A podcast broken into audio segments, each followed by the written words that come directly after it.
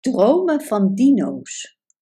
Op een dag bezocht een jonge jongen genaamd Archie het plaatselijke dinosaurusmuseum.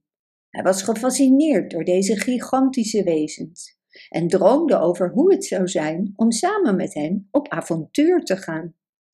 Die avond ging Archie naar bed met zijn hoofd vol prikkelende gedachten over dino's. Plotseling werd hij getransporteerd naar een wereld waar de dinosaurussen speciaal voor hem een pretpark hadden gemaakt. Archie was verbaasd over wat hij zag. Er waren allerlei soorten dinosaurussen, groot en klein, en elk had zijn eigen speciale activiteit waar Archie van kon genieten. Eerst reisde Archie naar Argentinië, om van de rug van de almachtige Argentinosaurus af te glijden. Deze enorme dinosaurus woog net zo zwaar als maar liefst 17 Afrikaanse olifanten. En Archie kon niet geloven hoe gaaf het was om van zijn rug te glijden. Vervolgens race Archie over de Noord-Amerikaanse vlakte op de rug van de snelle Dromiceimomimus.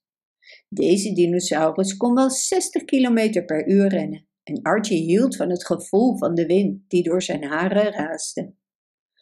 Daarna surfde Archie over de oceaan op het zeereptiel, de Elasmosaurus. Het was een ongelooflijk gevoel om op de rug van zo'n krachtig wezen over de golven te surfen. En net toen Archie dacht dat het niet beter kon, ontmoette hij de oudste dinosaurus van allemaal, de Saltopus. Dit wijze oude wezen woonde in Schotland en Archie luisterde graag naar zijn verhalen en leerde over zijn lange, indrukwekkende leven. Maar net toen Archie's hart vol vreugde was van zijn ongelooflijke avonturen, kwam hij een woeste Tyrannosaurus Rex tegen. Deze enge dinosaurus maakte Archie zo bang dat hij midden in de nacht wakker werd, hijgend en zwetend. En toen hij zag dat hij weer in zijn eigen slaapkamer was, kon Archie niet stoppen met glimlachen. Hij was zo blij dat hij zo'n ongelooflijk avontuur had meegemaakt en hij wist dat hij veel had geleerd over de wondere wereld van dinosaurussen.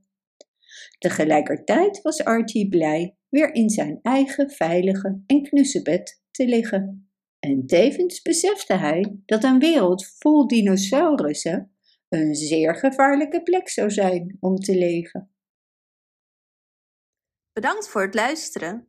Wist je dat je dit verhaal ook op onze website ririro.com/nl kunt lezen, downloaden en printen?